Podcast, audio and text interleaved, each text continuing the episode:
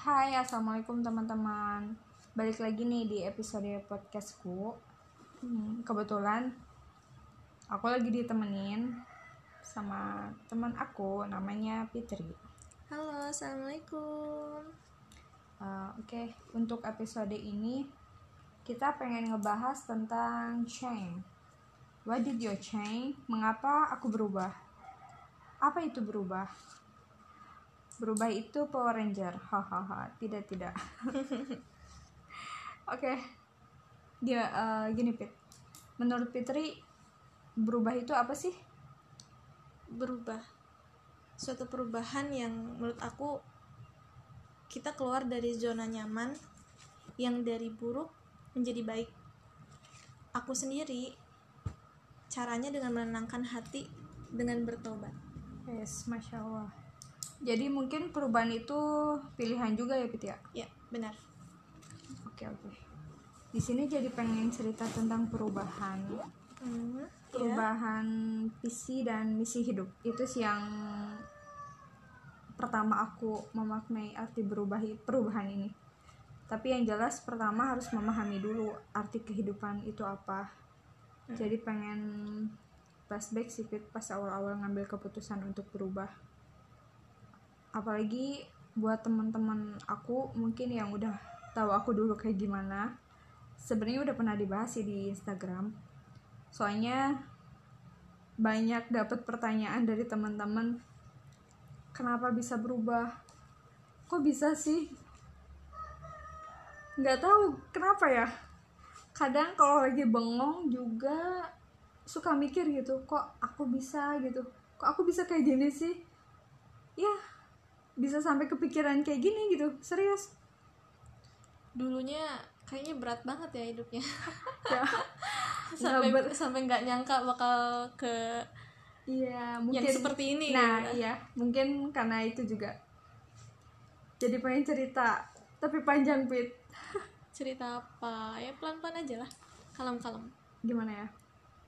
Eh hidayah itu kan emang beda-beda ya ya cara didapatinya ada yang emang lagi di jalan terus ngeliat sesuatu yang mengetuk hatinya. Mm-mm. ada yang emang harus digebuki dulu baru sadar. Nah kalau aku percis sih sama kayak orang yang harus digebuki dulu. Wah bahaya. Tapi yang nggak digebuki juga. Tak kirain. Kalau perlu kan aku bisa nyari teman-teman aku. Eh, buat gebukin aku gitu. Iya. nah kalau aku kayak dibikin jatuh sakit dulu sama Allah dan nggak tahu kenapa menurut aku sakit ini itu sakit yang paling mengesankan. Ada ya? Mengesankan. Berat banget berarti ya sakitnya. Mm-mm. makanya ada ya sakit mengesankan. Kesannya itu sakit yang disertai rasa takut gitu. Takut mati. Tapi dari sini dari sini jadi tahu gitu. Kita sebagai manusia itu penting banget harus punya rasa takut tapi takutnya bukan dalam hal kehidupan kayak nggak punya uang nggak punya teman takut nggak punya jodoh atau apalah. Tapi takut di sini tuh takut sama sang maha pencipta takut mati terus masuk neraka gitu. Udah serius takut mati udah kayak nyawa tuh kayak di pegang di ubun-ubun kepala kayak sewaktu-waktu bi- bisa diambil sama Allah. Oke kita mempertanyakan soal amal berarti ya. Hmm, oke. Nah, alhamdulillah dari situ mulai takut mati tapi nggak bawa amal benar. hmm. Terus mulai deh belajar tentang kematian karena emang bener rasa takut pada waktu itu emang udah bergejolak banget. Terus mencari amal-amalan. Awal-awal sih buka buka-buka buku, buka-buka Google tentang cari amal-amal untuk bekal buat di akhirat tuh. iya Hmm. Terus sebelum aku hijrah nih, Pit, sebenarnya be- beberapa bulan ke belakang emang udah pakai kerudung. Mm-mm. Cuma masih pakai kerudung Paris yang tipis yang yang nerawang itu iya yang pada zamannya. nah, ya. Terus diikat ke leher. Yang tapi alhamdulillahnya di sana jadi tahu juga gitu. Kalau aku tuh berpakaian kerudung tapi emang belum sempurna dan pernah pas saat sakit baca buku dari Ustadz Balik Siau. Judulnya tuh yuk putusin aja kalau nggak salah. Oh iya. Terus pas lagi buka halaman tentang bagaimana cara berpakaian yang baik. Dan dan di situ nemu hadis tentang kelak ada seseorang yang berpakaian tapi telanjang. Pernah dengar nggak pit? Pernah. Berpakaian tapi telanjang iya. yang tertutup tapi masih mem, mem- apa kayak memamerkan gitu. Nah iya masih betul. mema- mema- memamerkan eh, sebagian tubuhnya gitu. Iya. Nah contohnya tuh kayak dia tuh berkerudung tapi pakaiannya tuh ketat. Oh iya. Kelihatan ya lekukan-lekukan tubuhnya lah kayak gitu. Nah kan di situ kita tahu ya kalau itu tuh nggak sesuai sesuai syariat gitu. iya Nah terus aku tuh mikir gitu, aku udah pakai kerudung karena emang awal-awal ya, jadi masih ngerasain fasenya panas lah, nggak nyamannya lah, proses ya? Ya. Dan itu proses awal ngerasa terus kalau aku pakai kerudung udah panas-panasan udah gerah-gerahan tapi nggak dapet apa-apa gitu di mata Allah tuh. Kayak sia-sia aja. Nah dari situ aja tiba-tiba ya udah deh kayaknya mending pahit sekalian deh gitu. Yang penting emang ada nilainya gitu. Oh iya. Daripada gue cuma pakai kerudung tipis tapi udah panas udah gerah gitu ibaratnya. Tapi nggak dapet apa-apa. Sedih juga kan gitu. Dipertanyakan lagi ya soal amal itu. Nah iya. Oke disambung lagi. Tadi ada kepotong hmm, tadi tuh terakhir tentang pakaian ya Pit ya? iya Hmm. Terus dari situ ya udah aku Bismillah modal cuma karena takut amal menjadi sia-sia dari pas udah baca buku Pelik Xiao itu sorenya aku langsung beli gamis dan itu nggak tahu kayak aku tuh kayak diarahin gitu kayak ya udah kayak jalan sendiri aja. Beli gamis sendiri terus sorenya tuh dipakai. Astagfirullah. Dipakai ke kampus. Nah dan di situ aku ngerasa ujian aku tuh emang dimulai gitu. Pertama dari diri sendiri sih ya. Dari rasa takut nggak pede dikira kayak emak-emak. Tapi alhamdulillah sih rasa takut amal sia-sia itu masih jadi peran utama gitu. Tapi bentar aku penasaran banget pas teteh eh, beli baju gamis terus abis itu teh dipakai buat kuliah. Respon teman-temannya gimana tuh? Nah ada jangan aku ditanya pengen tahu aku pengen tahu. Jangan ditanya ya Allah. Mungkin itu kalau kan pertama kalinya banget. Pakai Kalau- baju gamis yang tadinya pakai celana ya? Pak? pakai iya celana. masih pakai Ah, ah. celana. Aku pengen tahu. Gimana ya mungkin kalau teman-teman kuliah aku tahu ya mereka juga pada kaget. Yang pertama aku pas masuk kelas itu semua pandangan menuju padaku. Ya udah nggak tahu deh tapi di situ cuma modal ya Allah Bismillah Bismillah karena emang rasa takut itu ya. Keren keren keren nih. Udah di situ masuk kelas dan orang tuh kayak pada bengong. Ya Allah. Emang mungkin kayak gitu kali ya Pit ya? Eh, apa sih? Hijrah itu emang seperti ya seperti itu.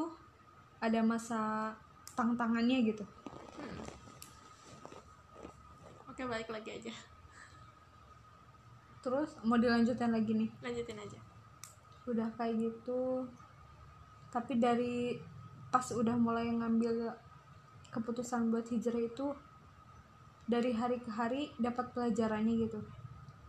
Sebenarnya ujian yang paling dalam itu sih ujian dari diri kita sendiri gitu. Kalau ujian dari orang kayak dikatain lah diketawain lah ah apaan sih? Itu udah jadi konsekuensi ya? Ya itu udah jadi konsekuensi. Yang jarang orang lupa itu sebenarnya yang paling berat tuh ujian diri sendiri. Gimana dia bisa harus bisa ngontrol hawa nafsunya gitu. Dari bisa harus ngelawan rasa takut dia rasa takut yang ya udah nggak usah jangan berubah jangan berubah jangan berubah. Itu mah mungkin dari setan kali ya. Kayak gitu. Mungkin dan orang-orang yang hijrah itu pasti ngalamin fasenya ngalamin ujiannya. Ya boro-boro dari orang sih ya. Sebenarnya dari kadang dari keluarga diri sendiri juga ada gitu. Dari orang tua dari sanak saudara. Ya begitulah Fit. Gimana? Kalau Fitri gimana? Kalau aku? Iya. Tentang apa dulu nih? Tentang ya berubah itu tentang hijrah itu Fitri ada nggak ada sesuatu hal yang pernah meloncati gitu? Fitri ingin berubah nah dalam apa gitu? Aku aku posisinya kalau dulu tuh eh, dalam hal berpakaian sendiri. Iya. Itu emang udah ya mengikuti fase dari celana celana pensil itu ya. Iya. Terus pakai kerudung tapi kerudungnya yang tadi itu yang nerawang. Iya sampai ke baju gamis itu waktu dulu kelas 6 SD aku teh jadi seorang K-popers. Wah iya. untuk dibahas. Iya aku tuh dikenalin sama eh, sepupu aku sama boy band apa ya EXO waktu itu. Hmm. Dan dari situ tahu drama Korea ya. Masuk SMP SMA diketemuin sama teman-teman yang emang mereka sejalan sama aku. Hmm? jadi itu aku belum bisa keluar dari ranah itu. Iya. Ternyata eh, faktor lingkungan juga mempengaruhi iya mempengaruhi. Dan itu belum itu ya belum pakai baju gamis atau kerudung panjang karena emang kalau aku penyuka boyband boyband kayak gitu mau nggak mau aku jinah mata kan? Hmm. terus habis itu teh aku juga belum mengenal tentang haramnya musik. Untuk sebagian orang musik diharamkan. Hmm. dan otomatis ke drama-drama kayak gitu juga kan ada hal yang ya sensitif gitu. Iya benar-benar. Seksual itu. Nah itu dia. Ada juga berat banget di situ teh tarik ulurnya. Oke tapi Fitri pernah nggak sih ngerasa Hah?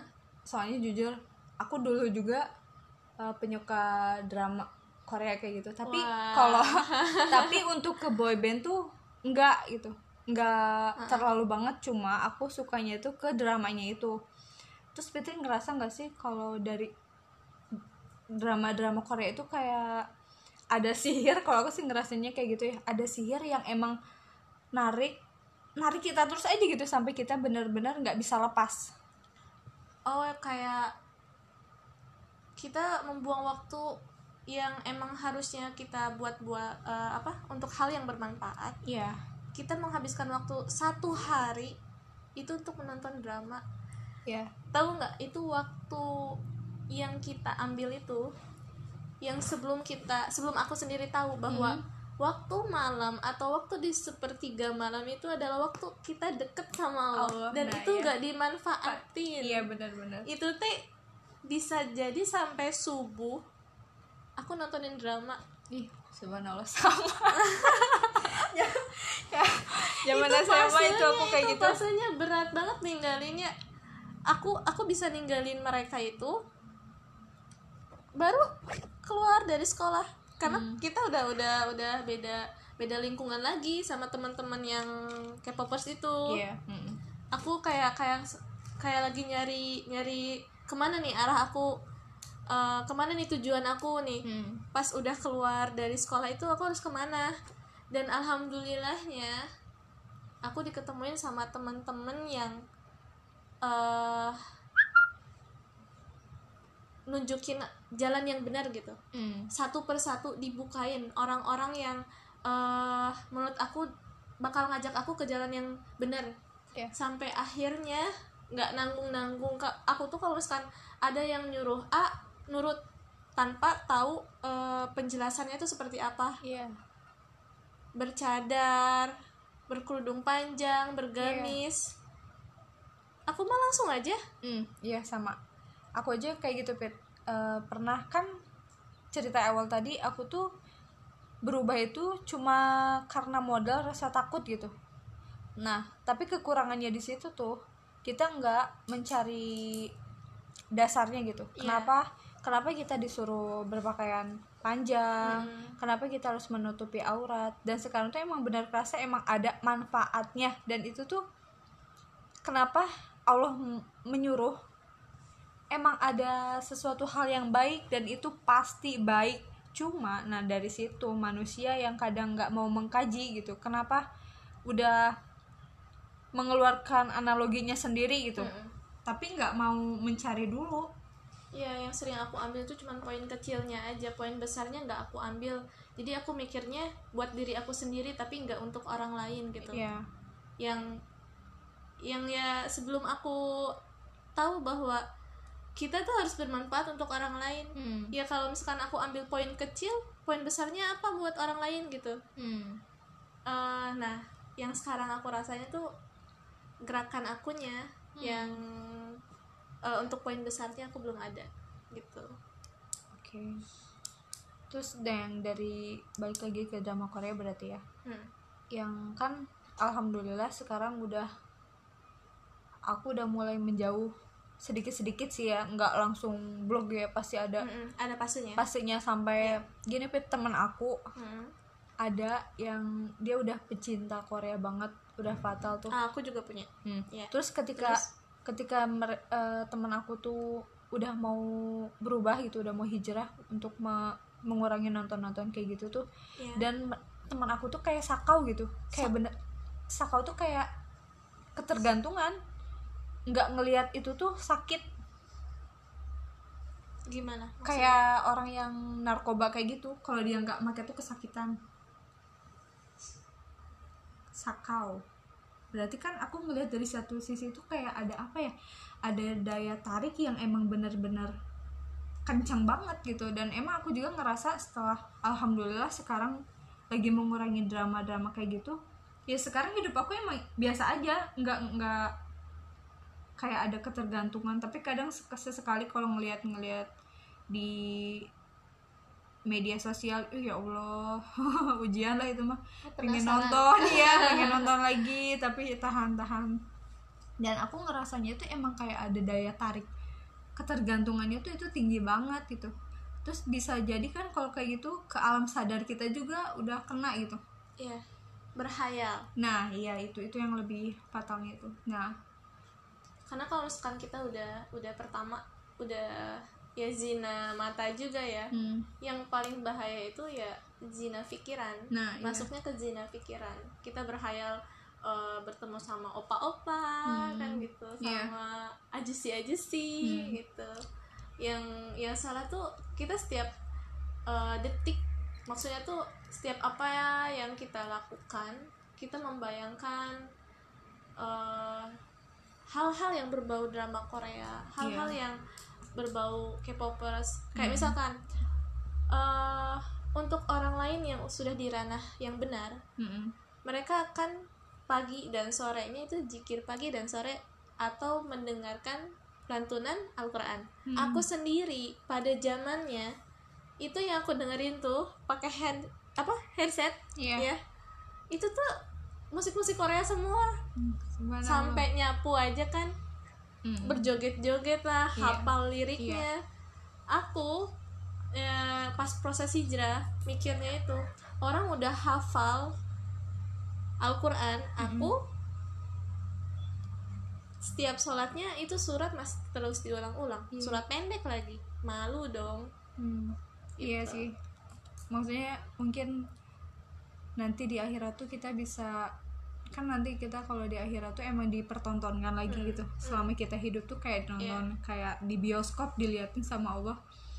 Dan berapa waktu habis waktu kita terbuang sia-sia karena itu. Emang enak sih.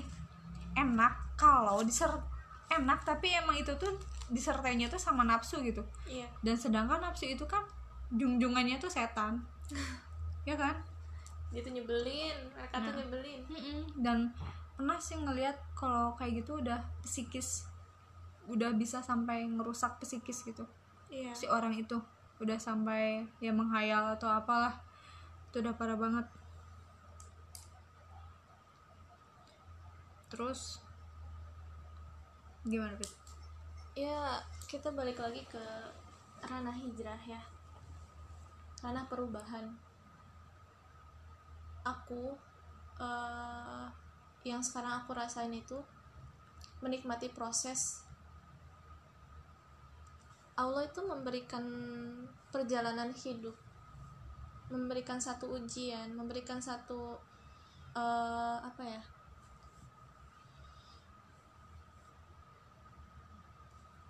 Memberikan apa ya? Kayak kita tuh ada di dalam dalam zona yang nggak baik Hmm. itu udah emang udah sama Allah tuh udah di udah direncanakan gitu Hmm. dan bersabarnya kita untuk ke arah yang lebih baik Hmm. mau nggak mau kita harus menerima konsekuensinya Iya. yang pasti Mm-mm. hijrah tuh emang nggak mudah Mm-mm. Tapi- tapi dinikmatin tapi nikmat nikmat dan emang ada hasilnya nanti insya Allah di akhirat nanti. Amin amin amin. Ya jangan jauh-jauh deh. Kita kan kadang suka mikir kita tuh pengen hijrah tapi ya pengen enaknya aja gitu. Malah kah itu tuh hijrah yang dipertanyakan hijrah yang nggak dapet ujian hijrah yang nggak dapet apa ya kayak ya apa ya enak aja gitu hijrah tuh tapi nggak ada nggak mau diuji sama Allah nggak mau apalah. Nah itu yang perlu dipertanyakan. Ya kenapa gitu? Kita sebagai manusia yang berlumuran dosa nggak mau diuji. Seorang Rasulullah aja yang maksum itu ujiannya masya Allah. Iya surga itu mahal. Iya surga nah itu itu. mahal. Surga itu mahal. Dan nggak bisa kita eh, apa hijrah dengan nggak dapat ujian. Hmm, karena emang surga itu mahal ya. Dan nggak kebayang gitu semahalnya surga dan seberapa indahnya surga itu Oh. masya allah. Ah susah. Nggak bisa tergambarkan mungkin indahnya itu. Iya dinikmatin prosesnya. Ya aku waktu itu juga dari hal pakai baju gamis yang terlalu berlebihan. Iya. Kalau ada satu satu saran bukan satu saran ya kayak satu peringatan lagi dari Hmm. orang lain itu itu jadi pilihan lagi bagi kita. Iya. Lanjut atau tetap di zona itu gitu. Iya. Kita merasa udah hijrah paling baik tapi sebenarnya masih belum. Masih Iya. kayak jalan di tempat aja gitu. Iya. Ternyata waktu aku sendiri beli baju gamis dengan bejibun dengan dengan banyak eh, model kayak gitu itu masih salah. Dan masih Allah tegur dengan seseorang yang bilang jangan apa jangan mengkoleksi ya. Iya iya. Jangan mengkoleksi barang duniawi yang terlalu berlebihan. Itu Kan hisabnya, hisabnya ya. kan iya benar. Hisabnya yang berat. Dan akhirnya dikurangin dong hmm. pembeliannya. Hmm. ketemu lagi sama teguran yang dari eh Syaidah Fatimah ya? Iya.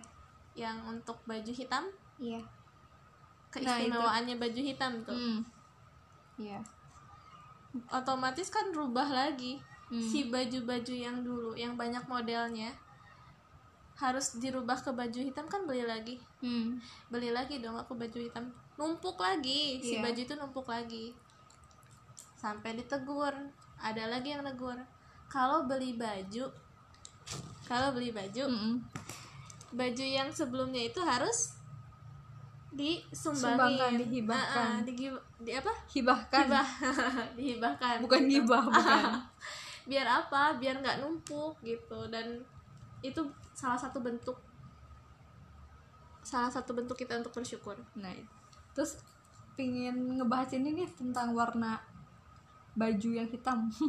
Mungkin ya orang-orang yang pertama jujur sih ya dulu aku sebelum sebelum hijrah kayak masih pada zaman jahiliyah tuh kalau ngelihat orang yang pakai baju warna hitam tuh pasti dengan ident identik dengan teroris.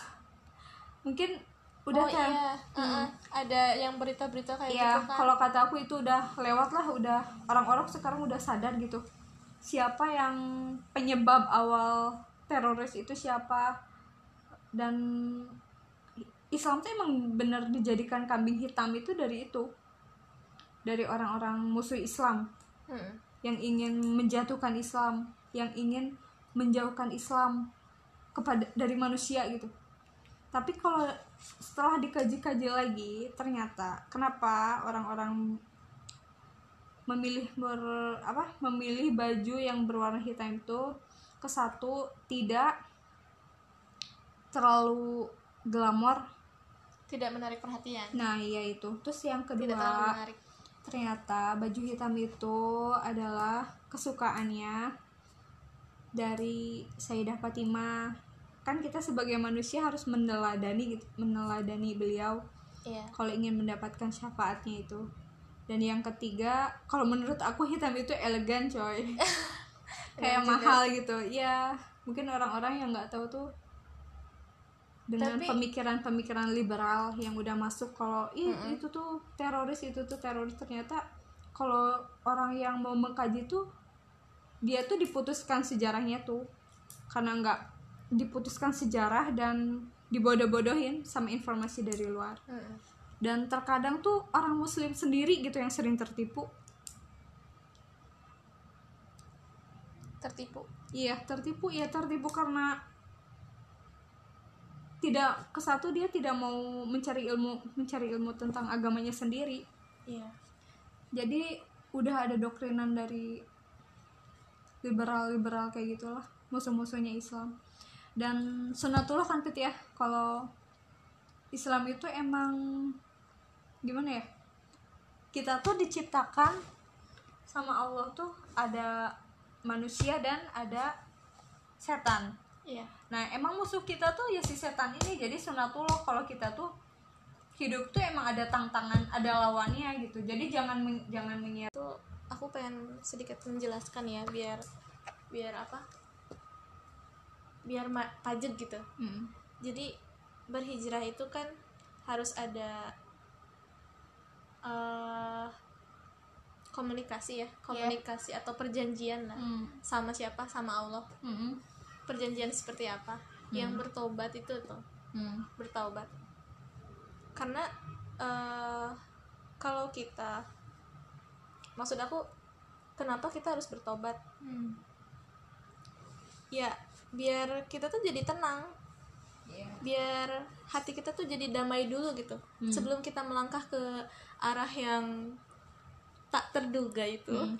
Terus di ditenangkan dulu hatinya kayak gitu terus ditambahkan Pit, manusia tuh emang sifatnya tuh lemah. Mm-mm. Jadi pasti berbuat dosa gitu. Pasti karena sifat kita sifat manusia tuh emang oh lemah. si iman yang naik Iya. turun itu Jadi ibaratnya istighfar itu kayak makanan sehari-hari. zikir Nah, iya istighfar itu makanan sehari-hari karena kalau kita sadar sifat manusia itu emang lemah dan selalu bikin dosa, jadi istighfar tuh ya udah kayak makanan setiap hari gitu, Oke. diharuskan. pesan yang harus banget kita eh, jadiin itu yang pertama seturun-turunnya iman kita selemah-lemahnya lemah banget iman kita jangan sampai kita meninggalkan yang namanya sholat wajib oke. Karena kalau kita udah ninggalin sholat ya gimana kita mau ngejalanin hidup kita ke selanjutnya gitu kan Iya. yang kalau misalkan Allah kasih ujian untuk orang yang nggak sholat kebingungan dia Hmm. sholat itu kan yang menolong kita Ya Allah. Hmm. Benar. kita kan iman lagi turun Ya. sholat ditinggalin ya bablas aja kita teh Dan mau ditolong gimana gitu sama Allah kalau sholatnya aja yang wajibnya ditinggalin. Tapi emang banyak juga pit manusia yang yang nggak paham gitu tentang makna sholat tuh emang bener-bener ya ampun itu bukan dibilang kewajiban lagi. Itu tuh kayak apa ya? Benteng. Kayak kayak makanan gitu sholat tuh. Kamu Oh. tuh nggak makan ya lapar. Nggak makan terus ya mati. Nah gitu Hmm, pernah nggak sih eh, lihat yang di jalanan eh atau orang yang update? Jangan sampai kita meninggalkan sholat karena banyak orang yang sudah meninggal. Pernah nggak? Ya aku memohon lagi. minta kembali untuk sholat. Nah itu dia. Itu benar betapa betapa dan pentingnya banget. Ya dan sholat juga kan amalan yang paling pertama dihisap nanti. Iya. Benar-benar. Ya kembali lagi karena manusia itu tempat. kurang mm-mm, kurang dalam tauhidnya juga gitu. Tauhid kita tuh diciptakan buat apa sih? Terus kita mati. Terus udah mati kita ke mana gitu? Padahal ada akhirat yang lebih kekal nanti dan kita saking kekalnya di sana tuh kita nggak bisa mati.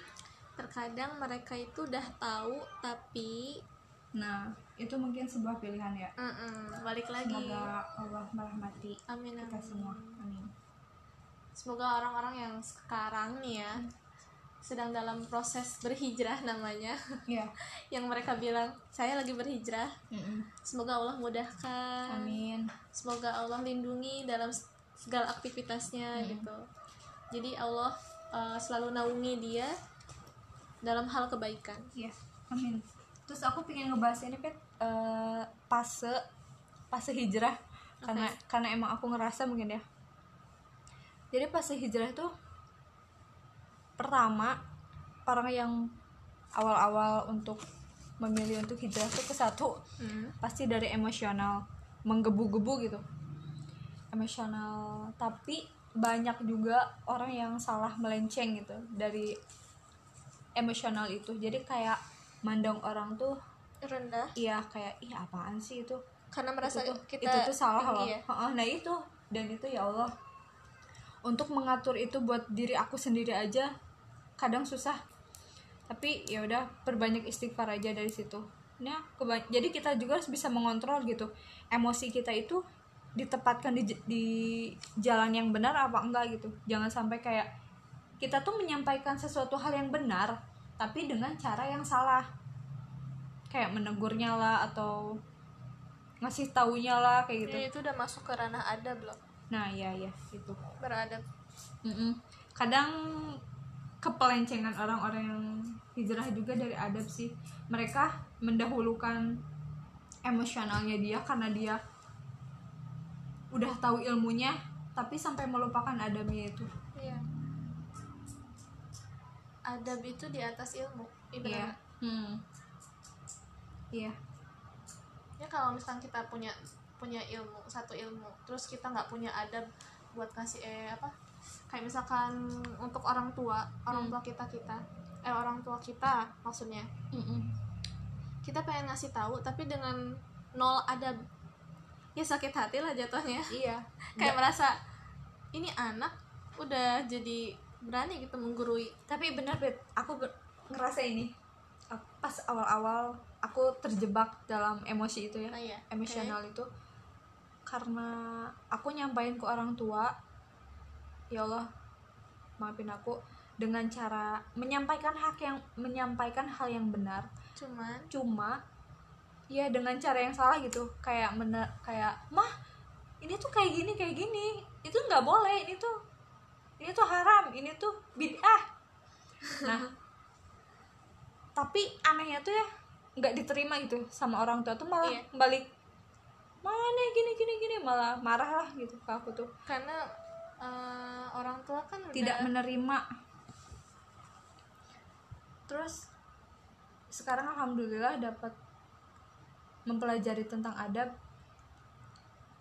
Sekarang dengan adab ya dengan adab yang sederhana dengan adab yang lembut ke orang tua malah sesuatu hal yang aku tuh nggak nyampain hal yang ibaratnya nggak menyampaikan dakwah Mm-mm. tapi aku bisa menyampaikan dengan adab aku tapi mas ma- eh, alhamdulillahnya malah diterima gitu sama orang tua. Ada yang orang bisa eh, ngasih ngasih apa ya ngasih ilmu tapi dengan actionnya bukan dengan kata-katanya. Hmm. Itu Nah, iya. yang aku jalani juga seperti itu Iya. dengan action. Iya. jadi aku nggak banyak omong tapi actionnya kelihatan. Nah iya. Dan itu yang susahnya. Ya Allah. Ada aku pernah dengar cerita yang ini jadi satu ketika satu keluarga Mm-mm. si ayahnya itu dia tuh sering eh, dia percaya sama dukun Iya. punya isim Mm-mm. anaknya udah tahu ilmu Mm-mm. udah tahu ilmu nah si anaknya itu ngasih taunya bukan dengan cara pak ini nggak boleh ini nggak boleh Mm-mm. dengan marah-marah atau kayak gimana lah Mm-mm. dia itu cuma satu poinnya dia ambil isim dia bakar dia nangis. Iya. bapaknya bikin lagi isim dia Dia nangis dia ambil isimnya dia bakar lagi. Iya. itu terjadi terus oh menerus iya. Heeh, itu terjadi terus menerus tapi Iya. apa yang terjadi? Iya, ayahnya itu langsung berubah. berubah. Ya, actionnya, hal- actionnya. ya, hal yang kecil. Itu keren banget. Pernah pernah aku pernah dengar? Terus jangan pernah ngerasa kalau udah hijrah tuh kayak gue tuh kayak orang yang paling tertekan gitu kayak paling menderita. Aduh hello kalau kalau kita mau mencari lagi mencari cerita-cerita yang lain itu ada yang lebih parah Pit sampai dia Kristiani. Alhamdulillah sama Allah dikasih hidayah anak itu. Hmm. itu sampai sama orang tuanya tuh disetrika tapi aku nggak tahu ceritanya. tapi masya Allah ya aduh kalau aku ngebayangin aku dalam posisi dia aku aja belum nggak tahu gitu belum tentu aku kuat enggaknya gitu. Mereka masya Allah ya kalau udah Allah menguatkan hati seseorang sampai disetrika sampai di masya Allah dibanjur air panas kayak gitu tapi anak itu tetap meneguhkan tauhidnya masya Allah suka merinding gitu kalau ngedenger cerita-cerita Cerita yang kayak gitu. orang Mm-mm, lain masya gitu. Allah. Jadi kita tuh kayak ngerasa nggak ada apa-apa. kan, eh, kita tuh nggak ada apa-apanya tapi ngeluhnya aja gitu yang digedein. Subhanallah.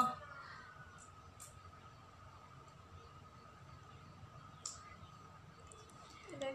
ya ya udah mungkin segitu aja kali ya. Karena udah hampir sejam. Ya udah deh.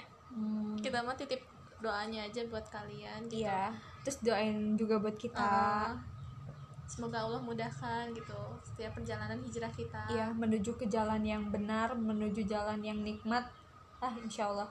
iya Oke, eh, mohon maaf ya kalau ada kata-kata yang tidak berkenan. iya benar Ya udah deh, cuma segitu aja.